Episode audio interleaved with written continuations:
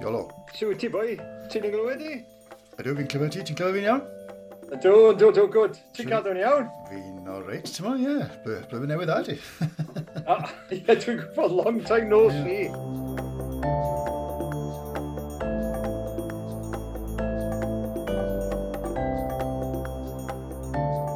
Wel, ei, diolch yn fawr ti am ymuno a fi. Fi'n neud y, y podlediad yma yn Gymraeg o'r enw cymeriadau Cymru, Iolo. Mae rhai bobl yn gweud, wel, dwi ddim yn gymeriad. Wel, wyt ti'n gymeriad? Fi'n credu bod ti'n ti, ti'n o gymeriadau Cymru uh, yn amlwg. Ti'n ti, gyflwynydd teledu, wrth gwrs, ti'n awdur, ti'n ddyn adar, a ni'n abod yn gilydd ers rhaid blynyddoedd bellach.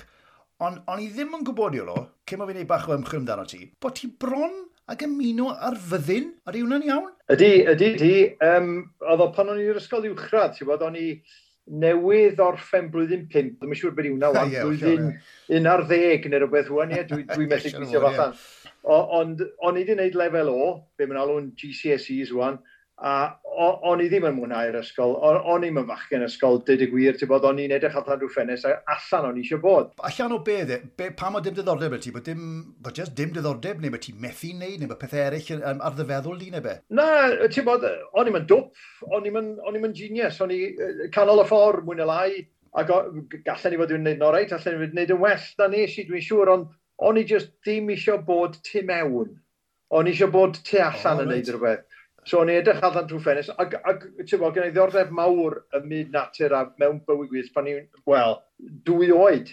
Ond dwi'n cofio meddwl, o, dwi ddim eisiau mynd ymlaen i wneud lefel A, a eisi i lle recrwtio'r fyddin yn yr amwysig, ac o'n i fewn trwch blewyn i arwyddo i fynd ffwr, a wedyn, dwi'n mynd siŵr pam, yn ar y funud ola, ni'n meddwl na gadam rwan, ni weld be arall llaw fyny, a wedyn benderfynes i am ryw reswm mynd ymlaen i wneud lefel A. Dim ond dau nes i um, Ffrangeg ag Bioleg achos o'n yeah. i'n licio ieithoedd on, on, wedi cael yn nwyn i fyny fatha ti'n ddwy ieithog. Pam Ffrangeg? Mae'n ma, ma, ma fath o gysylltiad bach od rhwng Ffrangeg a Bioleg. Wneud y pethau o'n i'n ei fwynhau. Nes i ddim meddwl dwywaith am beth dwi'n ei wedyn, ond meddwl o'n i, os dwi'n mynd i aros ymlaen yn yr ysgol, dwi'n mynd i wneud dau bwnc dwi'n mwynhau. Okay. Ac o'n, on i licio ieithoedd, um, o'n i'n neud Sbeineg yn yn amser yn hun hefyd efo'r athro Ffrangeg, achos o'n, on eisiau dysgu gymaint o ieithoedd ag o'n i'n gallu. O'n i'n gwybod bod eisiau mynd i deithio pan o'n i'n hun,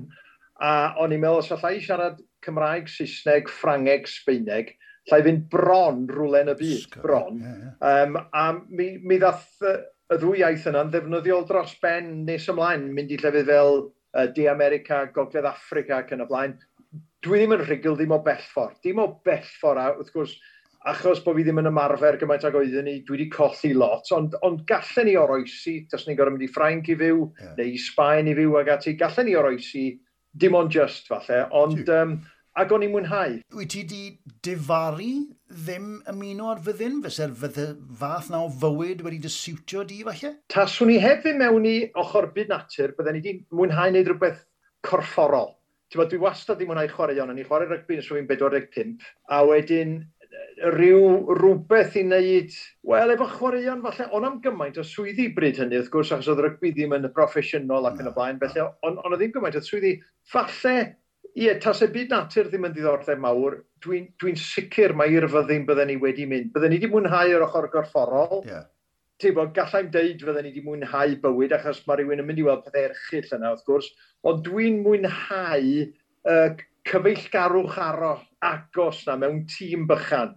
Dyna beth dwi'n golli fwyaf am rygbi. Dwi'n yn colli'r trwy'n yn cael ei falu pump gwaith, a dwi'n yn colli torri'n braich a pethau felly, ond dwi yn colli y brwydr corfforol a wedyn mynd am gawod, mynd am beint efo'r bechyn. Dwi'n dwi, colli hwnna dal. Dwi wedi dwi wedi gorffen ers tair mlynedd ar ddeg a mwy rwan, ond dwi dal i golli hynna, a dwi'n siŵr byddwn ni wedi mwynhau hynna yn y fyddin falle. Alle, alle, fi chi ddechmygu ti nawr, Sergeant Major Williams neu Major Williams, yn tyfu. Yn, yn lle hynny, wrth gwrs, es ti i Lundain, do, o, o Sir Drefaldwyn i astudio beth o, ecoleg e ecology. Na, oedd hwnna'n bown o fod bach yn wahanol. Oedd e, i fynd yn sydyn iawn o Lanfyllun a, ti'n mo, a Chymru bach, bethau, i Lundain? O, Oedd, oedd, an, anferthol. Ond, ond rhod y hun yn y sefyllfa yw ti'n... Wel, o'n i'n ifanc iawn uh, yn y flwyddyn ysgol. Mae mewn blwyddyn diwedd awst, so o'n i'n ifanc iawn, ti'n bod? Felly pan o'n i'n neud y penderfyniadau yma lle i fynd, o'n i dal yn ddwy ar bymtheg oed. A mae'r hormonau trwy'r to gen ti, maen nhw'n dod allan o'r glistiau di. A ti'n meddwl am ddim byd ydy dy gwir heblaw merched rygbi, cwrw a byd natur. Dyna'r bywyd bryd hynny. A felly, o'n i'n meddwl, reit, dwi eisiau mynd rhywle lle gallai fynd ar ôl y pethau yna, a ni'n meddwl lle gwell nag i Llundain. A gama dim ond dau le lefel A nes i, ges i ddim marced A, nes i ddim gweithio na fod yn berffaith, ond nes i bron ddim gwaith.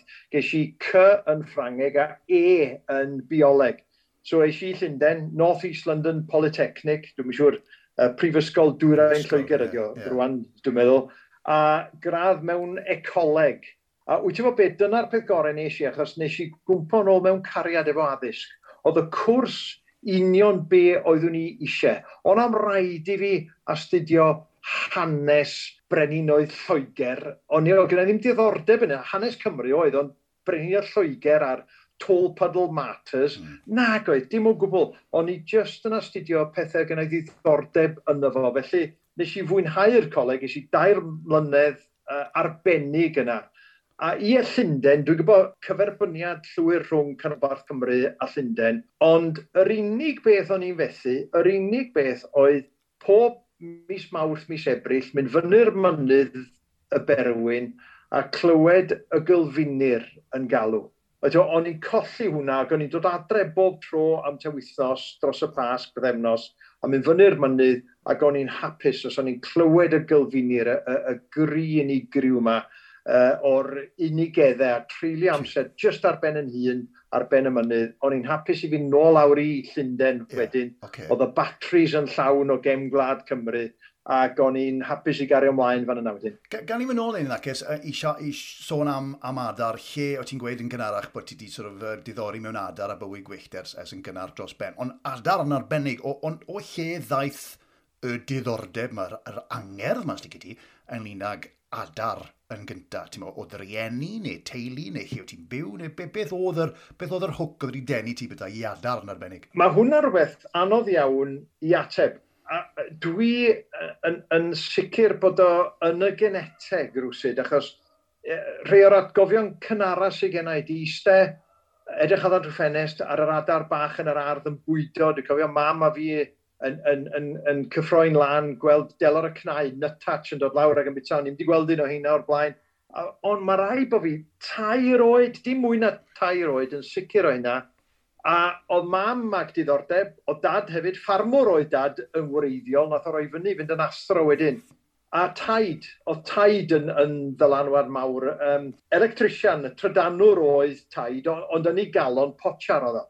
Oedd o dal i fynd allan ac oedd o'n syth ambell i gwningen neu ffesant ar dyr adlwydd a dod â nhw adre i ni gael oh, bwyd ac ati. Oedd bita, oedd bita'r cig yn gwybod mae cig yr arglwydd oedd o, oedd o mwy blasus o lawer, ac oedd o'n mynd â fi pysgota, oedd o'n mynd i diclo pysgod, oedd o'n dangos fi sydd i ddal pysgod efo nwylo, achos oedd o'n nabod bob biliff ar yr afon, ti'n bod? A wrth gwrs, os oedd gen ti wy Allen, oedd o'n gwybod, mae hwnna'n mynd i botchan, os oedd just taid a fi, taid a bachgen bach, mae, o, oh, just mynd ar wyr am dro ar hyd yr afon, a biliff yn dweud, diw, iawn, iawn, Nowen, naw oedd nhw'n iawn, naw, cariad i ymlaen, a wedyn oedd hi'n mynd ymlaen, gweld bod oedd wedi mynd, a wedyn reit, mae yna gareg gwastad fan hyn, ni orwedd ar hon, oedd roed i law o dan, a dal pysgodyn, ti'n bod... A, a ticlo dan, dan, y bol, ie. Yeah. Ticlo dan y bol, ie, ie, ticlo, ticlo pysgod oedd ni'n ialw. Yeah. Wedyn rhoi o, o gen o boced fawr yn ei got, oedd ei rawna yn boced ei got,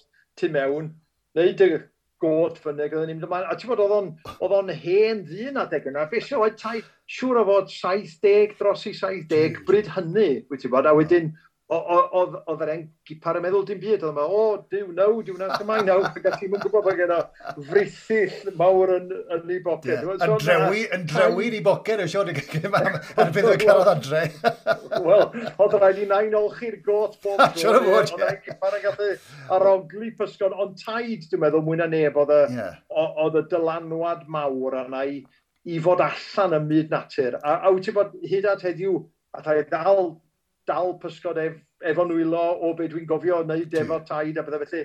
A oedd fo a mam yr ei da iawn am ddod o hyd i nythod adar a dwi wedi dwi di etifeddu hynna gen i nhw ag ati. So, ie, yeah, o, o fan yna mae wedi dod, ond, ond fel o'n dweud, dwi'n siŵr bod o yn y geneteg hefyd, achos yr atgofion cynara sydd gennau ydy rhywbeth i wneud efo byd natur. Ond yn hynny o beth, yn oedd y swydd efo'r RSPCB, bod nhw fod yn, yn swydd wel, ddelfrydol o ti'n meddwl bod ti wedi cyrraedd y, y, y dyfreiddwr y bethau, oedd? O, oedd. O, heb, heb os na o'n i bai, honna dwi dal i ddweud hyd at heddiw di'r swydd orau yn y byd. Fel oedd y swydd, mae wedi datblygu wedi addasu wrth gwrs ers iddi adael, ond y swydd oedd, swyddog adar oeddwn ni Species Officer for Wales, ac, ac o'n i yn, yn mynd ar draws Cymru gyfa o Anis Môn, reit lawr i Gardydd, Sir Benfro, Ac o'n i'n gwneud tri peth yn bennaf. Un oedd monitro adar, um, cadw llygad ar lle roedd yr adar, yn enwedig ar ar prin fel bryd hynny, wrth gwrs, y barcud coch, o'na, dwi'n sôn am 45 par bryd hynny, pob un yng Nghanolbarth Cymru. Uh, crefnu pobl eraill i, i, i gyfri adar hefyd a cael y gwybodaeth yna i gyd i mewn. Hefyd rhoi cyngor i dirfeddianwyr mawr, pobl fel yr ymddiriedolaeth genedlaethol, sef y National Trust, um, Comisiwn Coedwigaeth ar y pryd, Forestry Commission, a rei o'r stadau mawr, a, a rhoi cyngor iddyn nhw ar syd oedd y ffordd gorau i reoli tir ar gyfer rei o'r adar pryn yma. Ar ola oedd, dwi'n siŵr sure sut i ddeud hwn yng Nghymraeg, ond investigations. Hynny ydy edrych mewn i droseddau yn erbyn adar gwyllt. Pan oedd o'n seithi anghyfreithlon, trapio anghyfreithlon, gwenwino, beth, beth bynnag oedd o a yna lot o hynna, ti'n bod o uh, pobl rasio colomenod yn dinistrio nythod hefo tramor y peregrin, uh, pobl yn dwi'n wyau barcu coch, pobl roi gwenwyn allan. Felly o'n i'n cydweithio fo'r heddlu ac efo swyddogion investigations o'r RSPB yn y uh, Pencadlys yn Bedfordshire hefyd. Felly dyna oedd y, oedd y tri maes, ac o'n i yna am bron iawn i 15 mlynedd. A 1999, dwi'n meddwl, nes ti adael, ynddo, nes ti, i, nes ti benderfynu i ganolbwyntio ar, ar byd, wel, y byd teledu, y byd darchedu yn, yn gyfan gwbl. Oedd hwnna'n anodd fe felly, ti'n meddwl, oedd mae byd hollio wahanol eto, ond oedd hwnna'n benderfyniad anodd i ti wneud? O, oedd anagoedd. Um, oedd Oedd pennaeth yr RSPB yng Nghymru, Roger Lovegrove, oedd o'n ymddeol, wel oedd o wedi ymddeol, oedd o wedi mynd ers chwe mis, a, ac oedd o a fi'n gyrru maen yn, yn, yn, yn wych, ti'n bod, oedd o'n gwybod, o'n i'n briod ar y bryd, o'n i ddim plant, ac o'n i'n fod o'n gweithio bob awr o bob dydd, o'n i'n gweithio penwythnosen aml iawn, oedd e ti'n yn cael fwy o dal achos elusen oedd o, ond o'n i wrth y modd yn neud y gwaith o'n i'n neud. Oedd gennau i dîm o bobl o'n i'n gallu dibynnu arnyn nhw ar hyd a lled Cymru, oedd yn helpu rhan fwyaf nhw'n wirfoddol hollol. Ac o'n i wrth y modd, honna oedd y swydd o'n i wedi cael yngeni i wneud. Wedyn nath Roger ymddeol ac eithon ni bennaeth newydd ac oedd hwn yn, ah, sut dwi'n deud hyn, e- e-, efod yn gas. A chi wedi befynod i? Diolch yn ddyn drwg, nain mi enwi, os yna ddim yn deg, ond hmm. mae'n dod o de ddwyrain Lloegr, dyn siwt a tai, um, ac oedd o eisiau fi fynd um, Iolo, I want you to go into middle management, meddwl fo. A dyma fi'n dweud, wel, be mae hynna'n ei olygu? Oedd o'n golygu fi'n eistedd tu ôl desg, tu ôl cyfrifiadur yn, yn, mynd yn dewach bob dydd, a wedyn pawb arall yn neud uh, y gwaith maes ag ati, ti'n bod? Ac o'n i'n gweld bod yng Ngyrfain yr as fi'n gorfod o'r i ben, o gyda ddim dewis, a wedyn gyda cael o'n drom iawn, dyma fi'n dweud reit, oce, okay, dwi'n gadael, a gyda i dri mis, dwi'n meddwl, i edrych am waith arall, ac o'n am lot o waith o gwmpas. A pan oedd Esbyn o'r Ec a BBC Wales glywed mod i'n gadael, o'n i wedi gwneud pytiau iddyn nhw o ach, yn, yn rinwedd y swydd, achos o pobl dweud, o, dyn ni eisiau gwybod sy'n mae'r barcu coch wedi wneud lenni, o, rhaid chi siarad efo Iolo, neu dyn ni eisiau, os allan ni, allan ni ffilmio barcu coch wrth yn nith, o, rhaid chi gagair efo Iolo ag ati. Felly, o'n i wedi delio dipyn efo'r was. O'n i'n mwynhau rhai agweddau, ond efo rhai agweddau oedd yn y ddim, a fod yn onest, oedden nhw'n boen yn tîn. Um, wyt ti bod o'n ni yn arfer, dyda di dringo fe un uth barcud, wneud be o'n i'n gorfod wneud, um, falle dod nhw lawr i'r ddeiar i, fod drwyo nhw, i bwyso nhw ag ati, ac o'n i fodlon siarad i gamra esbonio be o'n i'n wneud a pam, ond o'n i'n pwysleisio, dwi'n mond yn wneud hyn unwaith, a wedyn o fewn i 20 munud, o'n i eisiau'r cywion yn ôl yn y nyth ag allan o'na. Ac oedd y cyfarwyddwr wedyn, dwi'n cofio hyn yn digwydd dwy dair gwaith, o, oh, gret, um, byddai'n bosib i ti'n neud hynna unwaith eto. Unwaith eto, ie, ie, ie. O, wyt ti'n ac o'n i dweud, na, na, di ddim yn bosib, felly oedden nhw yn, oedden nhw'n boen yn tîn, ac o'n i ddim rili really eisiau mynd mewn i'r maes yna o gwbl, so mae fi'n ateb a dweud, gwrandwch, diolch am y, am y cynnig, dych chi'n garedig iawn, ond dim diolch, a ddath telesgop cwmni lawr yn Llandeilo a BBC yn ôl wedyn, ydy, gwranda, wyt ti'n siŵr? Ac ebyn rwan, o'n i wedi cael amser mis, dwi'n meddwl, i edrych rownd i weld, os am lot o waith o gwmpas, mm.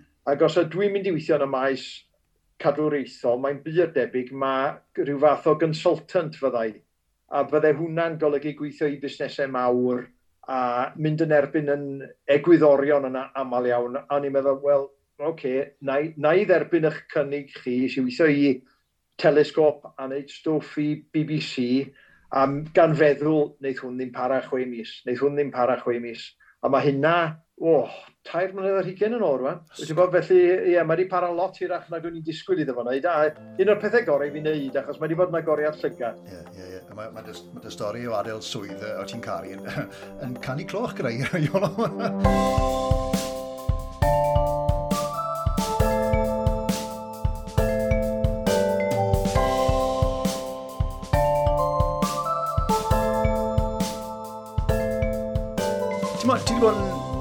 wedi bod yn teithio yn amlwg dros y byd ers rhai blynyddoedd uh, fel rhan o dy waith i, fel rhan o yrfa di. Ti wedi gweld yr, yr bywyd gwyllt exotic ma, yr adar ffantastig ma dros y byd. Felly, a, a fi'n bod bach yn devil's advocate fi'n iawn, ydy bywyd adar Cymru felly bach yn letdown ar ôl hynny? Um, neu wyt ti dal mor angerddol a, am, am fywyd gwyllt Cymru, ti'n modd, i, i gymharu a fi'n gwybod rhyw adar ffantastig neu rhyw an, anifail exotic ti wedi gweld yn, yn y wlad arall bethau, ti'n yn ôl i Gymru fach a ti'n gweld, oce, okay, adar betha cyffredin, dwi'n dwi, cam ddweud fyna? Yr un peth mae'r holl deithio mae wedi wneud, a dwi wedi bod yn ffodus iawn, dwi wedi cael ynalu i fynd dros y byd i weld pethau o'n i edrych ar mewn cilchgronau pan i fachgen bach, yr arth wen neu teigar a meddwl, waw, na i byth gweld hyn yn y gwyth, Ond dwi wedi bod yn ffodus dros ben, dwi'n gwybod hynna, Ond yr un peth mae wedi wneud ydy'n wneud i fi werthfarogi beth sydd gennym ni adre dipyn mwy. A falle bod gen i ddim teigr, falle bod gen i ddim arth wen, ond cymera di yn yr ardd mae rwan. Ond edrych allan trwy'r ffenest peth cyntaf bore yma, oedd hi'n wyn, oedd hi wedi bwrw eira er bod hi'n fus ebryll, oedd hi wedi bwrw eira bob man. A dyna lle roedd llwyd y berth, Siani Lwyd neu Dynac, a deryn brawn bychan di nod hollol, yn eistedd ar ben y llwyn fanna, lle mae'n yna dwi'n gwybod mae'n yna efo triwy glas yna, yn canu i ben.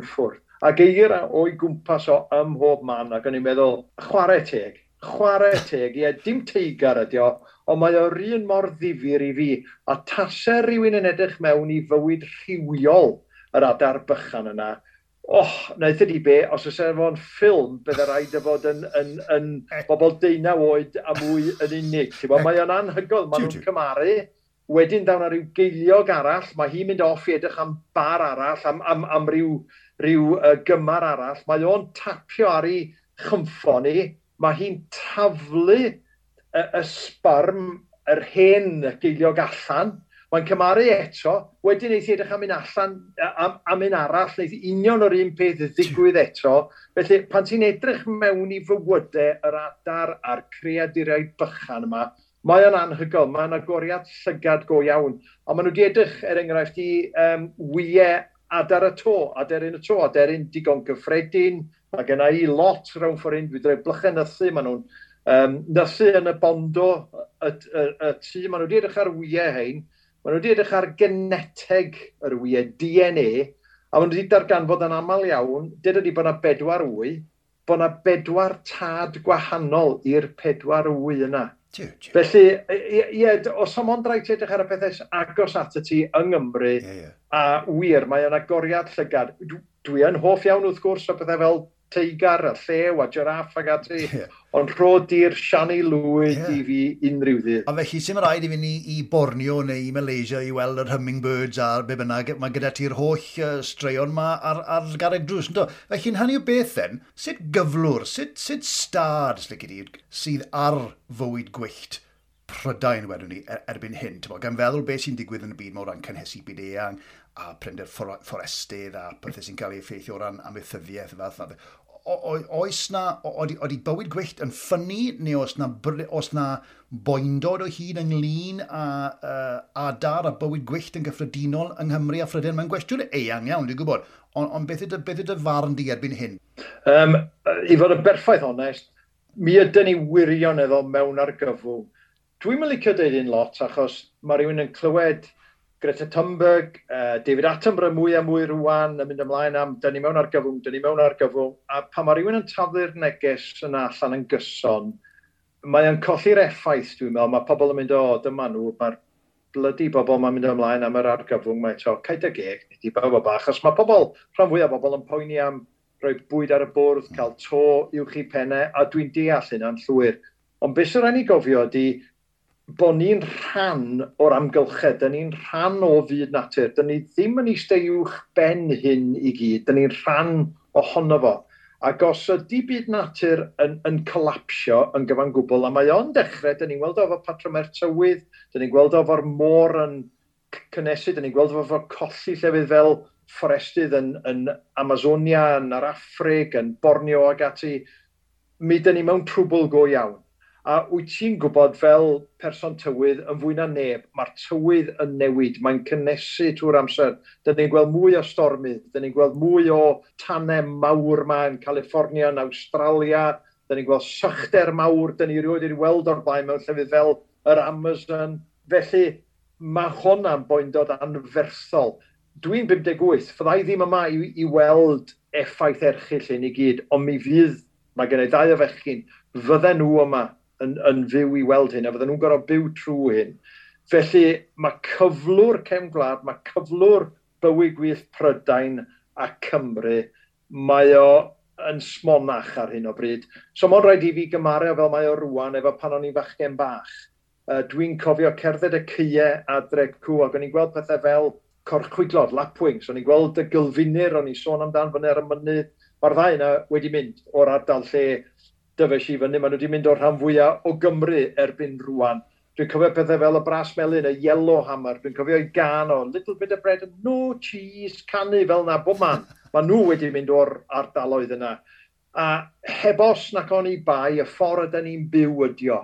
I ddechrau mae yna ormod o bobl yn y byd. Dwi'n gwybod bod hwnna beth mawr i ddeud, ond mae yna ormod o bobl yn y byd. A'r pethau dyn ni isio, dyn ni'n ni, gorddefnyddio os gael just sôn am fwyd, mae hwnna'n eitha syml. Dyn ni'n gorfita, heb os nac o'n i bai, dyn ni'n gwastraffu treian o'n bwyd. Mae hwnna'n erchill. Ges i nwy'n i fyny gan taid yn ein i ddechrau, mam a dad hefyd, i beidio gwastraffu bwyd. Dwi'n casau gwastraff. Taswn ni ddim yn gwastraffu'r bwyd yna, bydde gen i ni mwy o le i reoli'r tir ar gyfer bywyd gwyllt. Mae rhaid i ni gael ffermydd, maen nhw'n rhan anatod o gem gwlad, maen nhw'n rhan pwysig iawn o'r iaith, ond diwylliant ni, a mae rhaid iddyn nhw gynnyrchu bwyd wrth gwrs bod, ond mae yna ddigon o le i ni edrych ar ôl y tir ar gyfer byd natur hefyd, ochr yn ochr efo hynna. A mae'r ffordd ydyn ni'n neud o hefyd, mewn ffordd dwys ofnadwy, taflu cemegau, taflu gwrtaith ym mhob man, mae rhaid i ni ail feddwl peth o hwn. Dwi'n dwi, dwi derbyn, mae rhaid i ni gynnyrchu bwyd wrth gwrs bod, Ond mae rhaid i ni feddwl tymor hir hefyd, a dyna rhywbeth ti ddim yn gael gan llywodraethau. Dyn nhw'n e- meddwl i mlynedd, hanner canrif ymlaen, maen nhw'n meddwl peder mlynedd i'r etholiad nesaf. Yeah. Wel, gallwn ni'n fforddio i wneud hynna. Mae rhaid i ni feddwl, wel, gwranda, dros y ddwy genhedlaeth nesaf, dyn ni eisiau trio cael poblogaeth prydain i lawr i tua 55 miliwn, 50 miliwn, i lefel lle gallwn ni mi, mi allwn ni gynnyrchu digon o fwyd, mi allwn ni sicrhau bod yna digon o le i fywyd gwyllt. Mi allwn ni sicrhau bod yna afonydd ni'n lan a bod yna bysgod yn yr afonydd. Mi allwn ni yn y tymor hir wneud yn gorau glas i ddod â'r tymheredd yna yn ôl i lawr fel bod y patrymau tywydd yn mynd yn ôl i fel oedden nhw. Felly mae ma hwnna yn holl bwysig. Ond ti'n sôn, ti sôn tymo, yn, yn gyflym iawn, ond ti'n sôn ynglyn â'r dyfodol, fi'n gwybod bod ti wedi cefnogi yn ddiweddar yn do, uh, cynllun Llywodraeth Cymru, er enghraifft, a dwi wedi gwneud bach o waith iddyn nhw, cynllun Mark Drakeford i hun yw e, ynglyn â coedwig genedlaethol i Gymru. Felly mae, mae cynlluniau fel yna, mae pethau fel prosiectau fel yna yn amlwg yn mynd i fod o fydd, yn mynd i helpu, ydy? Ydy, o, ydy, yn sicr, ond mae'n dibynnu, mae'n dibynnu ar lot o bethau. Mae'n dibynnu ar blannu y rhywogaethau iawn yn y llefydd iawn. Os ti'n di blannu dim byd, ond y coed bythwyrdd estron yma, y Spruce Sitka, y Finid Wydden Douglas, y Douglas Fir, Norway Spruce, Sitka Spruce, ti'n weld y mob man, di hwnna ddim yn mynd i helpu o gwbl, mae hwnna'n mynd i pethau'n waith. Mae rhaid i ni blannu yn bennaf coed cynhenid, y coed sy'n tyfu'n naturiol yma, coed derw, coed cyll, coed un, coed bedw, coed creafol ac yn y blaen. Ond mae rhaid nhw fynd yn y llefydd iawn hefyd dim gwerth plannu coed ar y tir amaethyddol gorau. Tisio hwnna i gynnyrchu bwyd. Hmm. Falle ambell i le ar yd ochr afon, falle dwi derbyn hynna, ond mae rhaid i fod yn ofalus iawn. A beth ti ddim isio hefyd ydy creu drwg deimlad a gwrthdaro rhwng y pobl sy'n plannu'r coed ac eisiau'r coed a'r pobl sy'n berchen ac yn ffarmio'r tir falle. Mae rhaid i ni gydweithio. Mm. Mae rhaid i ni. Dyna'r ffordd ymlaen. Gall ti ddynaill naill ddim gweithio heb y llall. Wel, diddorol, a ti'n meddwl, fi wedi bod yn dysgu lot ynglyn â'r goedwig, a fe ti'n gweud, mae'n i bawb fod ar yr un dudalen, dos, ac i fod yn rhan o'r brosiect yma.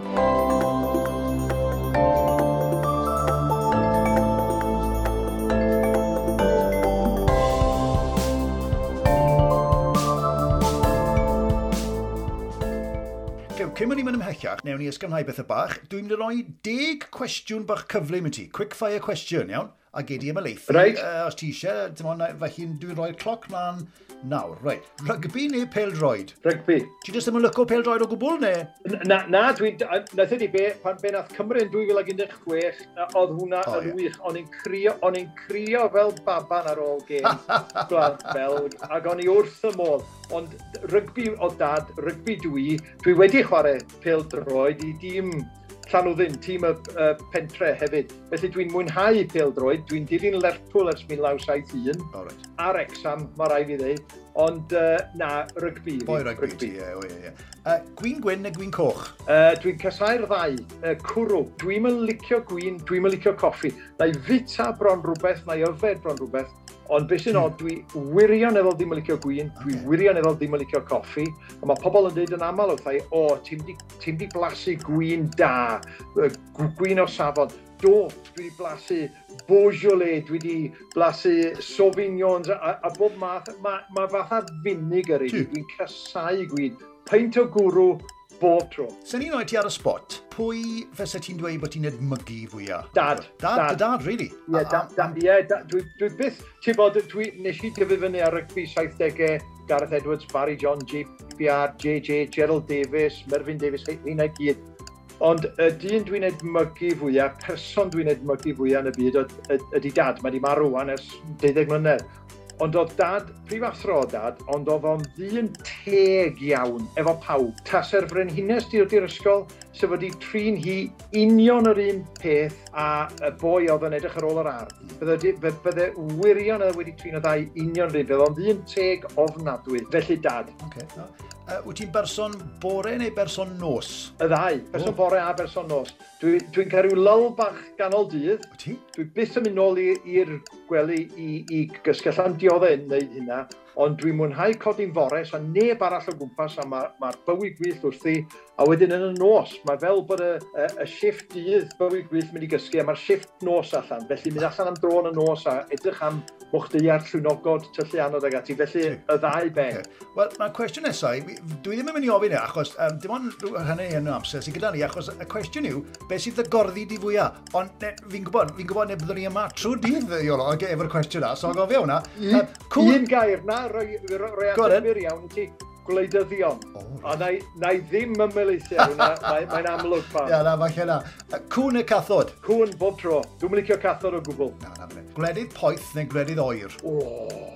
So ti'n cyfo dewis? Gwledydd poeth, os oes ni'n gorfod dewis. Dwi'n dwi, hoff iawn o'r ddau, ond dwi, mae'r hael yn, yn rhoi egni i fi. Dwi'n mynd am run pan dyn ni'n mynd ffwrdd i llefydd poeth het ymlaen, cario dŵr a air edrych. Dwi wrth y modd mae'r ma meibion yn ei gysau mae nhw'n dweud, o oh, na, na, na, mae'n mae rei bwyd. Ond dwi wrth y modd efo fo, wrth y modd efo fo. A dwi'n meddwl bod fi'n gwybod yr ateb i hwn. Cerdded yn y mynyddoedd neu cerdded ar draeth? O, mynyddoedd bob yeah, tro. Yeah. Mynyddoedd, ie. Yeah. Dyn y mynydd, di cael nhw i fyny yn mentre Llanwddyn yng Ngesiail mynyddoedd y Berwyn, mynydd i fi bob tro. O'n i'n siarad yn gynharach ynglyn â uh, o ti'n difaru ddim mynd i'r fyddin. Ond os oes un peth ti yn difaru, fi'n trio gweithio bobl i byd o difaru di byd yn ei bywyd yn amlwg achos mae'r bywyd rhi bledi fyr, ynddo e? Ond os na un peth wyt ti yn difaru bethau? O, mae hwnna'n gwestiwn anodd iawn. Um, yeah, So rhywbeth dwi'n dyfaru. O, yn, yn y gorffennol, falle pan o'n ifanc, ti'n bod ffordd nes i drin rhai pobl, dyn ni gyd yn neud o'n dyn ni yn yn arddegau yn yn ugeiniau cynnar, wyt ti ddim mor neis, a, a falle i drin pawb yr un peth, i drin pawb yr un peth, i ddysgu gwers, i drin pawb yr un peth, a bod ti, ie, yeah, a, a un o'r rhesymau am hynna, dwi'n ti'n dyn hyn, ti'n gweld a ti'n clywed am rei o'r pethau oedd yn mynd ymlaen tu ôl y llen yma. Wyt ti'n bod, da ni'n clywed lot am bethau yn ymwneud efo iechyd meddwl rwan, ac yn aml mae pobl yn edrych o, oh, bywyd braf gen y fo neu bywyd braf gen i hi, ond ti'n mynd gwybod beth sy'n mynd ymlaen tu ôl yr wyneb na, nag wyt ti, a pan maen nhw'n mynd mewn i'w cartre, cloi'r drws, weithiau mae'n bethau erchill yn mynd ymlaen. Felly, ie, yes, yn ni cael ni wedi trin pawb yr un peth pan o'n i'n ifancach a trin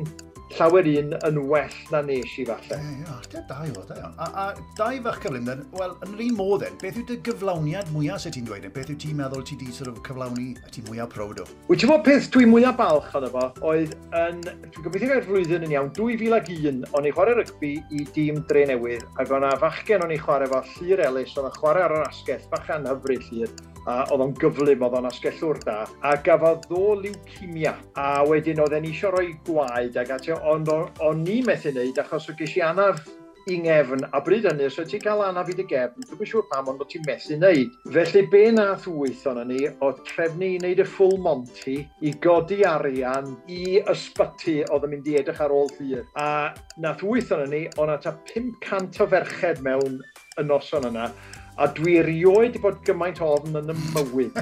a ti bod bob tro glywau Tom Jones yn canu You Can Keep Your, your Hat On, mae, mae, mae o fatha bod fi'n cael flashback, fatha PTSD. Da, fi'n fi, fi, fi creu bod ti'n cam ddweud, fi'n creu bod ti wedi cael ei pob eiliad o'r foment na. Wyt ti'n gwybod, Chris, ar, ar fy llw, pan eithon ni mewn trwy'r cefn, a clywed y comper yn dweud, ladies, the, the boys are in the building, a mae'r floedd fan fyny, oedden ni gyd yn meddwl be ar y ddeiar da ni'n neud, a trio mynd allan, oedden nhw wedi cloi'r drws.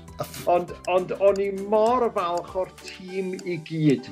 Uh, ti'n bod, bod na neb wedi cwmpa allan bod pawb dweud, oce, okay, be am wneud o. A wrth gwrs, codi aran, dyn ni godi tua 7,000 um, ag ati ag, yn anffodus o fewn 6 mis fel llir farw. Ond dyna beth dwi'n mwyaf balch ah, oh, okay. ohono fo o bob peth. A, a ti wedi codi arian ar gyfer nifer o LSN-au? Dyn ni'n ni, ni dau wedi'n cerdded am yn gilydd rhai blynyddoedd nôl, do? O, o, gogledd i'r de, do? Ar gyfer ti, ti gobaith a ti hyfan, oedd hwnna'n brofiad ffantastig. Cwestiwn ola, then. Cwestiwn bach dwl, falle, a nid i chwerthin ar hwn. Pryd oedd y tro nes ti ddawnsio i eto? Wel, ach, achos lockdown, dim yr rhoesoedd. O, dwi yn cofio, o'n i, di, o'n i newydd o adre o dramor. 2019, oedd y tol, dwi'n cofio hynny. Dwi'n meddwl bod wedi wneud y syna, dyd y gwirth ydy. 2019, ac oedd o'r noson nath Cymru gyro Lloegr, eithon ni mlaen i ennill y gamp lawn wrth gwrs, ond oedd wedi curo Lloegr yn Gardydd, o'n i newydd hedfan yn ôl o Namibia i Heathrow, gyrru adre, cael cawod a newid, fi ar wraig yn mynd i Gerdydd i gyngor Fatboy Slim,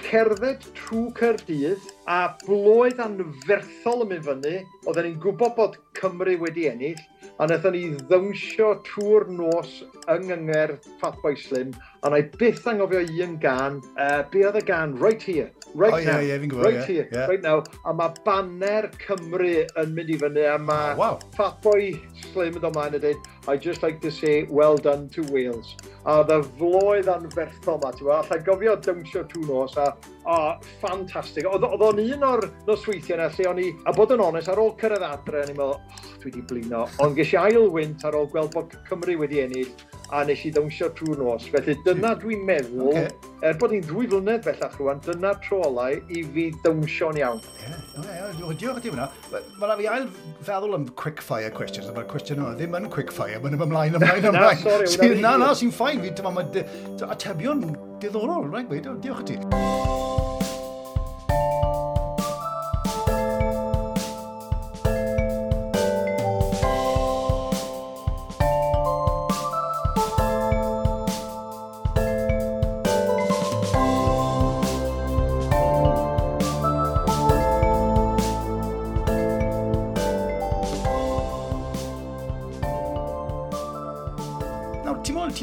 lot o reglenni yn amlwg yn y Gymraeg, wrth gwrs, ar Esbydrec, a hefyd rhan, ti'n rhan o dîm y BBC gyda, gyda Springwatch a Winterwatch ag ati. Mae'n dy wahaniaeth sydd na tra'n ffilmio cyfres, ti'n recordio cyfres, a wneud rhaglen yn fyw fel, fel Springwatch. Mae'n amlwg, dwi'n amlwg bod mae'n tipyn o wahaniaeth, ond os well ti wneud pethau yn fyw, neu os well ti roi bach fwy o amser a bach fwy o ymchwil i'r peth? Waw, mae'n anodd ateb hwnna. Mae'n ma, atebion i gyd yn hir. Ma, ah, dwi'n ymddiheuro am hynna, ond y reswm ydy, mae'r raglenni byw yn wych. Tewa, dwi wrth y modd efo nhw. Os di pethau mynd o'i le, dwi'n eitha licio hynna, achos mae pobl adre'n eitha licio hynna hefyd. Ti'n edrych ar bethau byw, a mae rhan o'n ti'n gobeithio bod y bethau mynd i fynd yn wrong yn does. Yes. Bob tro, ti'n meddwl, ie. Yeah Ac os ydi o, y peth i wneud ydy dim mynd, o, oh, um, sori, sori, peth i wneud ydy chwerthin. Ydy, o, mae'r camera di mynd lawr, sori am yna boes. Newn ni drio cael y camera na nôl fyny, newn ni drio'n gorau glas, ond bydych a poeni gariau ymlaen efo chi. Math o beth, ydy, bo, felly, beth sy'n dda fo pethau byw ydy, wyt ti'n neud o'n fyw, gallu ni'n newid dim byd. Mae rhaid ti angofio symud ymlaen i'r peth nesaf. Ond pan ti'n cael amser, dyda di, dwi'n neud cyfresu un bob blwyddyn rwan i BBC Wales, Dyn ni, wnaethon ni'n llynedd ar y Sir Benfro, mae hwnna'n mynd allan dros yr har o bryd. Dyn ni'n gweithio ar un ar Ynys Môn ar hyn o bryd. Dwi wrth y modd efo heina, achos fi sy'n penderfynu i raddau, na ce beth ni'n ffilmio, mae yna ymchwilydd yn helpu fe yna, allai daflu stwff mewn a dweud dylsio ni wneud hyn a dylsio ni wneud llall, ond nhw sy'n penderfynu. Ond unwaith da ni yna, fi sy'n penderfynu be, be dwi'n ei ddeud, achos dwi'n ymateb i be da ni'n ei weld. Falle bod ni'n gweld gwiber, yn dod allan ac yn torheilio. Wel, dyn, dyn nhw'n mynd i ddweud, o, oh, beth dyn eisiau ti'n wneud fan hyn, di deud hyn, deud llall. Dwi'n anobeithiol am ddysgu pethau fel yna. Well gan i ymateb, esbonio i bobl adre, beth sy'n digwydd, mae'n dod allan. Welwch chi, mae wedi cylio fyny, mae'n neud y gorau o'r hael yma rwan. Mae rhaid iddo fo gynesu achos maen nhw'n greaduriau e gwaed oer, maen nhw'n gorfod mynd ffwr i hela. Felly fi sy'n penderfynu be dwi'n dweud, a dwi fel rhyw fath o gyfieithydd i bobl adre, dwi'n cyfieithu beth sy'n digwydd. A dwi'n mwynhau hwnna, lle mae pethau byw yn hollol, hollol wahanol. Mae dy galon di'n curo'n gyflymach, mae o'n fwy cyffroes, ond sut ti'n gofyn i fi ar ddiwedd y stwff byw, nes ti fwynhau hwnna, Dwi'n yn gwybod ydy'r ateb, achos mae o, mae yna gymaint o bethau'n mynd ymlaen, yeah. ti'n mynd gael amser i eistedd nôl a meddwl, o, dwi'n mwynhau hyn. Ti yeah. jyst ddim yn cael amser, ti jyst yn neud o, neud o, neud o. Fi'n gweld, a, wrth gwrs fel rhan o'r tîm, tîm mawr, mae'n stic i mae'n rhywbeth prydenig iawn, y Spring Watch a, a, a, a Winter Watch, mae'n rhywbeth sy'n sy ymwneud â, a Phrydain gyfan y bethau. Mae hwnna wedi dod a, uh, wneud tîn ad mwy adnabyddus, wedi dod y wyneb yn fwy cyfarwydd i fobl tu allan i Gymru. Felly mae hwnna yn beth da, yndi? O, ydi, beth sy'n braf ydi, cael bobl yn dofynu at y ti a dweud, o, diolch yn fawr, dwi'n edrych ar Springwatch ag ati. Dim fel bod fi'n cael y clod, ond fel bod nhw yn mwynhau ac yn gwerthfarogi byd natur. Dyna i fi ydy y peth mawr. Dwi byth wedi bod yn un sydd eisiau clod, dwi eisiau cael yngwyneb, dwi eisiau 10 miliwn o bobl edrych yna. Byddwn ni'n casau bod yn Chris Packham neu byddwn ni'n casau bod yn David Beckham i fynd efo i lefel uwch eto. Mae rai bod nhw'n methu mynd i un man. No. Gallai gerdded lawr dre newydd neu gallai gerdded lawr Callwng neu gallai gerdded lawr yr Amwythig neu Llundain yn sicr. A, a bron neb yn gwybod pwy ydw i. Dwi'n dwi mwynhau hynna. Ac os ydy rhywun dofynu atai ac yn dweud, o, oh, ti di'r boi na ffwr o'r Springwatch? Ie, ie. Yeah. Dwi'n dwi mwynhau y ffaith bod nhw'n edrych ar y raglen, bod nhw'n mwynhau y raglen, a bod nhw'n gwerthorogi byd natur. A dwi'n meddwl, um, be, be sy'n dweud bach yn wahanol hefyd, y chwa ac awyr iach, yw bod ni'n clywed acenion Cymraeg ti'n modd, a, yeah. a dy acen di yn amlwg, a mae bobl yn meddwl, ie, yeah, mae fe o Gymru, a mae Cymru Cymraeg yn amlwg, sy'n ni'n meddwl yn gwerthfarogi yna, hyd yn fwy. Clyw, gan i siarad yn gyflwyniadau, ynglyn â, ti'n modd, mae'r ma, pandemig uh, erchiach yma, a'r cyfnodau clo a'r effeithiau sydd wedi bod oherwydd, wrth gwrs, wedi wneud i fobl gwerthfarogi natur bywyd gwyllt, be sy'n ar ei stepen drws, tipyn yn fwy. Mae hwnna'n beth amlwg i weid, yndi? Ond mae'n amlwg mae pethau fyna yn, yn cyfrannu at iechyd gorfforol a iechyd meddwl, ie? Yden, yden, yn, yn sicr, dwi'n meddwl bod byd natur wedi bod mor bwysig dros y, y deuddeg mis ola mae rwan ar gyfer iechyd pobl. Ta e, wel, dwi'n ffodus, wyt ti'n ffodus, dyn ni'n byw yng Nghymru, dyn ni'n byw ar gyrion pentre dwi fan hyn, llai fynd am dro, bo? a dwi wedi gweld pobl o pentre mynd am dro, o byth yn mynd am dro o'r blaen, a maen nhw'n gofyn i fi, o dwi wedi gweld rhyw aderyn, mae'n neud y sŵn yma, be ydi o? neu dwi wedi gweld iar bach ha, y melun, be, be oedd hwnna? Felly maen nhw wedi sylwi ar y pethau yma, am y tro cyntaf erioed bydden ni'n meddwl, a be dwi'n gobeithio ydy bod hwnna'n mynd i aros yna, bod yna rhyw gnewyllun bach yna, yn enwedig falle mewn rhieni, nain a taid, ac yn y pobl ifanc fel blwyddyn nesaf, gobeithio fydd y pandemig wedi pasio, gobeithio nhw nhw ffeindio amser dal i fynd am dro, mm. neu i sylwi ar ei wenyn yn yr ardd, neu gwybod bod yna a deryn di yn nythu yn, yn y gwrych neu a bod nhw'n parchu hynna, bod nhw falle'n ymaelodi efo rhywbeth fel yr RSPB neu'r BTO neu'r ymddiriadaeth bywyd gwyllt beth bynnag ydy o, a, a, a bod o'n cael effaith hir dymor ar yn parch ni ac yn gallu ni ac yn ewyllus ni i edrych ar ôl byd natur. Ie, yeah, ond mae'n rhyfedd yma bod, bod wedi cymryd rhywbeth fel pandemig i ni sylweddoli fod na, fod na fyd mawr allan. Mae'n ma, anodd iawn i ti wneud cynlluniau gwrs ar hyn o bryd, achos ni'n gwaith yn siŵr beth sy'n mynd i ddigwydd o ran y misoedd nesaf yma. Ond beth, beth yw dy gynlluniau di? Os na rhywbeth ar y gweill neu o petai, ti'n ti nôl i normal rwydd y petai, os na fwy o lyfrau, os na fwy, fwy teledu, ti'n mynd i wneud deith teithio, ti'n wneud fwy o, o, o waith tywys bobl o gwmpas, efo'n dweud? Ydw, ydw. Dyna, wyt mae pobl yn edrych o, maen nhw'n gweld y wyneb di ar S4C neu BBC ac ti'n dweud, o, oh, mae o, ti'n bod, mae'n eill ffortiwn. Wel, dwi'n mynd lot o waith teledu fel mae'n digwydd, ond i'n trio gweithio fo allan. Faint o ddwrnodau mewn blwyddyn fyddai'n neud rhywbeth fel 31 60 diwrnod? Dyna i gyd ydy o. Mae pob peth arall na llai'n stwff uh, gwirfoddol, stwff i elusennau, a rhan fwyaf yna fo yn arwain teithiau bywyd gwyllt. Um, a lot i'r Alban, dwi'n mynd i Ynys Mull, dwi'n mynd i Shetland, dwi'n mynd i Spesaid o ardal afi mor ag ati. Uh, weithiau dramor, Extremadura yn, yn, yn Sbaen, dwi'n modd mynd i fan yna. Weithiau yn bellach hefyd, ond dim yn aml, A dyna di'r rhan fwyaf o'r, or gwaith, a dyna sydd wedi mynd, dyna sydd wedi diflannu ers blwyddyn bellach ers mis mawrth, dwi'n di arwain taith, dim un, achos yn amlwg mae'r hmm. pandemig, wyt ti'n methu mynd mewn i minibus efo dwsin o bobl eraill neu hanner dwsin, wyt ti'n methu wneud o. Pan wneith pethau agor fyny, fi yna deithiau wrth gwrs, ond pa bryd mae hwnna'n mynd i fod, Chris, yeah. mae'n amosib deud. Mae gennau rhywbeth i benslo mewn erbyn canol mis Mai, mae gennau rhywbeth arall i benslo mewn diwedd mis Mehefin, un arall mis gorffennaf a cwbl mis awst. Ond os nad i pethau'n gwella, mae hynna i gyd yn mynd i fynd eto. O ran teledu, mae gennau gyfres, da ni'n ffilmio, newydd ddechrau ffilmio ar fywyd gwyll yn Môn. Um, a, a dwi wrth y modd yn wneud hynna, dangos Cymru ar ei, ar ei orau. Da ni wedi wneud Sir Benfro, da ni wedi wneud yr elenydd yn y canol wrth gwrs, a wan da ni ar Ynys Môn. A fydd y watches, fydd Springwatch yn dod fyny diwedd mai a pethefnos cyntaf Mehefin, Wedyn dwi'n dwi gwybod bod Autumn Watch, mae hwnna wedi cael ei gomisiynu, a Winter Watch gyda nesaf. Felly dyna sy'n gennau i edrych ymlaen iddo fo. O, da iawn. Liam, mae gennych ti rhywbeth i edrych ymlaen, dos? O, oes, oes, diolch byth. yeah, yeah, yeah, Wel, i orffen, yn ogystal â bod yn, a dwi'n dyfynnu fan hyn, Iolo, Welsh cult gay icon, o ti'n gwybod na? Do, na ni'n gwybod. Ti hefyd wedi derbyn tri neu tair cymrodoriaeth fellowship, o'n i'n gwybod y gair na, mae'n fi gwybod, o, o, o dair brifysgol. Ydy hwnnw yn rhywbeth sydd wedi bod yn bwysig i ti gael rhyw fath o... Fi'n gwybod bod ti'n foes sy'n edrych am gydnabyddiaeth, ond ydy hwnna'n bwysig i ti, ti'n mynd deep down, o gael rhyw fath o gydnabyddiaeth gyda'r dair brifysgol yma? Ffoff! Um, Diw Dwi'n gofyn cwestiynau mawr i ti'n na fi? Oes, wyt ti'n gofyn cwestiynau mawr.